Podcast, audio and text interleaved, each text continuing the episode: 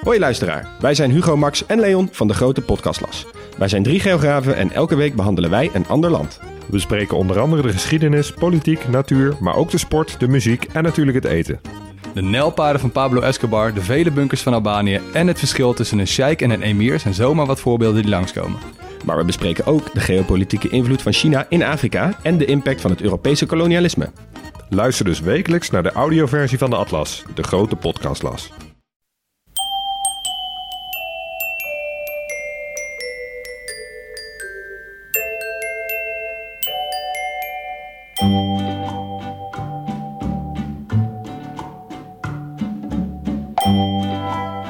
Welkom bij aflevering 318 van Echt Gebeurd, de podcast waarin mensen hun eigen waargebeurde verhalen vertellen. In deze aflevering een verhaal dat Jack Druppers in maart 2015 bij ons vertelde tijdens een verhalenmiddag rond het thema Voor het geld.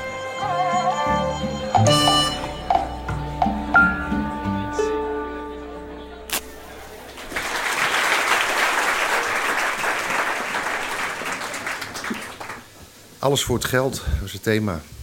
Ik ben eh, bijna 25 jaar eh, politieman, waarvan de laatste 15 jaar in Amsterdam. Dus ik kan wel wat verhalen vertellen rond dit thema. Diefstallen, verduistering, overvallen, straatroven. Heel recent al die liquidaties, het is allemaal voor het geld. Het verhaal wat ik eh, jullie ga vertellen, dat heeft minder geweld in zich. Alhoewel, het is maar hoe je het bekijkt. Ik werkte net in Amsterdam en uh, ik had een hele saaie ochtenddienst. Samen met mijn maatje Peter, een echte Amsterdammer. We hadden geen meldingen, dus we moesten zelf op uh, boevenjacht. Heel weinig boeven rond 7 uur, 8 uur s ochtends. Dus wij zochten ons tot we een ons wogen. Door de historische straatjes van Amsterdam. En er stond een man in een wit schort midden op straat naar ons te wuiven. Ik zwaaide nog terug. Hij bleef zwaaien, hij wilde onze aandacht. Wij gaan daar naartoe. Ik stapte uit en die man begint meteen te ratelen. Hij was uh, afdelingshoofd van een psychogeriatrisch ziekenhuis voor demente bejaarden. En hij vertelde dat op zijn afdeling een vrouw lag die tot voor kort elke dag werd bezocht door haar man. Tot voor kort. Hij was een weekje op vakantie geweest en vandaag hoorde hij van zijn collega dat die bewuste meneer, meneer Bos, al een aantal dagen niet was verschenen bij zijn vrouw. Nou, die vrouw die kreeg verder nooit bezoek, alleen van haar man. Dus hij vertrouwde het niet en hij toog naar Huizenbos om te kijken of die man thuis was. Aanbellen, werd niet open gedaan. Nou, hij gaat de straat op, wil de politie bellen en wie komt daar aan? Wij, Peter en ik. Hij zegt, uh, ik vertrouw het niet, we moeten even kijken. Peter en ik kijken elkaar zo aan. Ik had er al niet zo'n goed gevoel over. We gaan uh, de hal in, gemeenschappelijke toegangshal. En uh, de bewuste brievenbus, daar stak zeg de krant van vier dagen geleden uit. Ook een slecht teken. Wij gaan naar twee hoog, waar de bewuste man woonde. Bellen, bonken, roepen. Helemaal stil.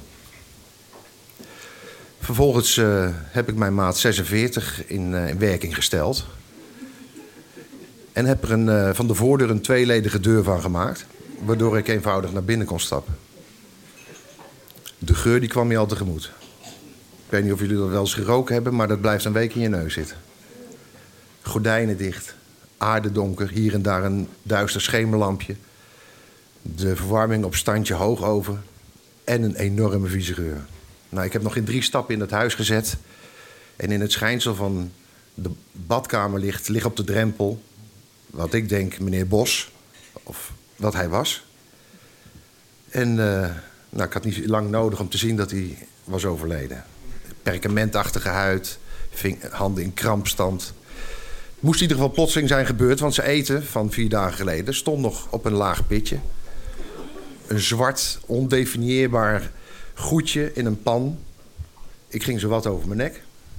En uh, ik denk van, ik vertel het, uh, die, dat afdelingshoofd wel even.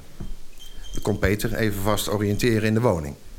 Dus ik vertel die man wat er gebeurd is. En uh, nou, heel zielig. Hij wist het niet hoe hij het aan zijn, aan zijn vrouw moest gaan vertellen. Want hij zou dat de volgende dag weer moeten doen. En die dag erop weer. Want ze had een heel kort geheugen. Ik kom terug, alle ramen en deuren heeft Peter opengezet, de gordijnen open. En ik zie een ontzettend vervallen huis. Behang kwam naar beneden. Je kon op de bank precies zien wat de favoriete zitplaats van meneer Bos was. Op de grond, het gore tapijt, zag je zijn favoriete looppaden. Dus uh, op een gegeven moment de meldkamer uh, in werking stellen. Zeg maar een procedure die hoort bij een lijkvinding. Nou, dan komt er eerst een gemeente lijkschouwer na een uur. Dan komt de technische recherche om een uh, misdrijf uit te sluiten. En dan komt de gewone recherche. En dan komt de begrafenisondernemer. Zo ongeveer zo'n vier à vijf uur werk. Dus wij moesten daar nog even verblijven. Die, konden die tijd konden we goed gebruiken om te achterhalen of er nog nabestaanden waren. Nou, Peter ging meteen in alle kasten lopen snuffelen. En ik, uh, ik nam een plastic zak, legde het, uh, drapeerde dat over de bank. En uh, ging in een ander kastje kijken. Ik kwam wat fotoboeken tegen. Ik kijk naar de eerste foto. Een heel gelukkig stel. Zo'n 40, 50 jaar geleden. En uh, ik zag een telefoonklapper. Zo'n ouderwetse met zo'n schuifje bovenop, met zo'n houtprint. En ik kijk wat nummers. Maar de enige recente nummers die erin stonden... was van de trombosedienst. En de huisartsenpost. En allemaal telefoonnummers, nog zonder de Amsterdamse zes ervoor. Dus dat was al even geleden. Dus ik besloot gewoon Wim en Iet te bellen. Met een zes ervoor. Nou, dat werd opgenomen. Ja, met Wim. Ik zei, nou, dat klopt. Dus ik vertel wie ik was en wat ik daar deed. En wat er uh, meneer Bos was overkomen. Nou, is die klootzak eindelijk dood?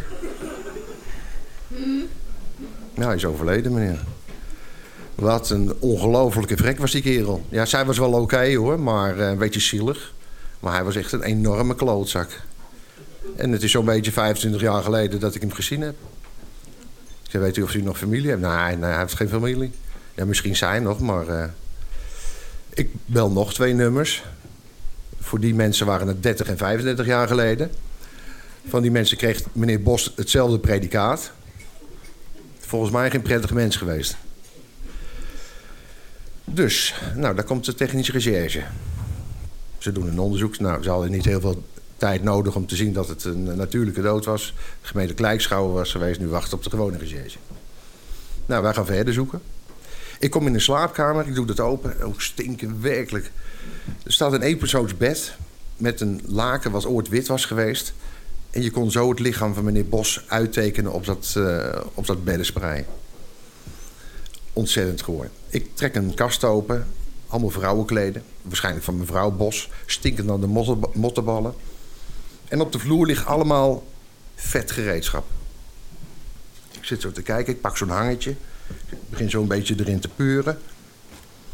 Dan zie ik opeens een, een heel fel gekleurd papiertje liggen. Ik trek handschoenen aan, ik begin erin te graven.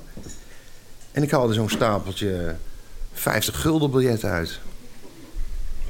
Ik ga verder graven. 100 gulden, stapeltjes. Stapeltjes met 250 uh, gulden. Dus ik begin zo lekker te verzamelen. Nou, geen gegevens verder gevonden. Uiteindelijk komt de lijkschouwer. Uh, meneer Bos wordt afgevoerd. En uh, wij laten de woning uh, afsluiten. En gaan met vier uur later met een paar tassen met spullen... gaan we naar het bureau. Eerst even eten.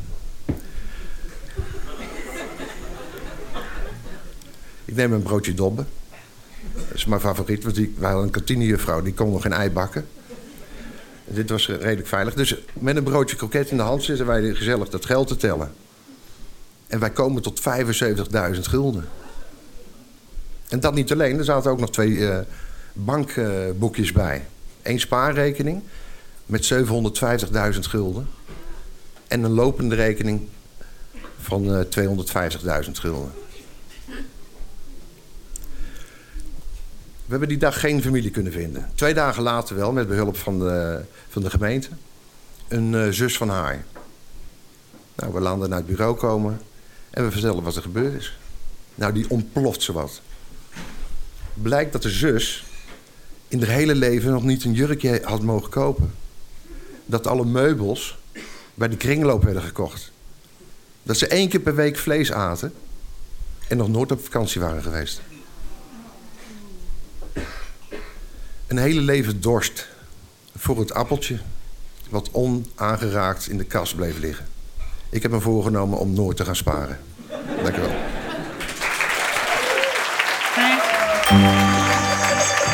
Je hoorde een verhaal van Jack Druppers. Jack heeft vaker verhalen over zijn politieervaringen verteld bij Echt Gebeurd. Je kunt hem ook horen in de afleveringen 101 en 219 van deze podcast. De redactie van Echt Gebeurd bestaat uit Micha Wertheim, Maarten Westerveen, Rosa van Toledo en mijzelf, Paulien Cornelissen. De productie doet Eva Zwaving, de zaaltechniek was in handen van Nicolaas Vrijman. De podcast wordt verzorgd door Gijsbert van der Wal. Dit was aflevering 318. Tot volgende week en vergeet niet om, althans te proberen, een prettig mens te zijn.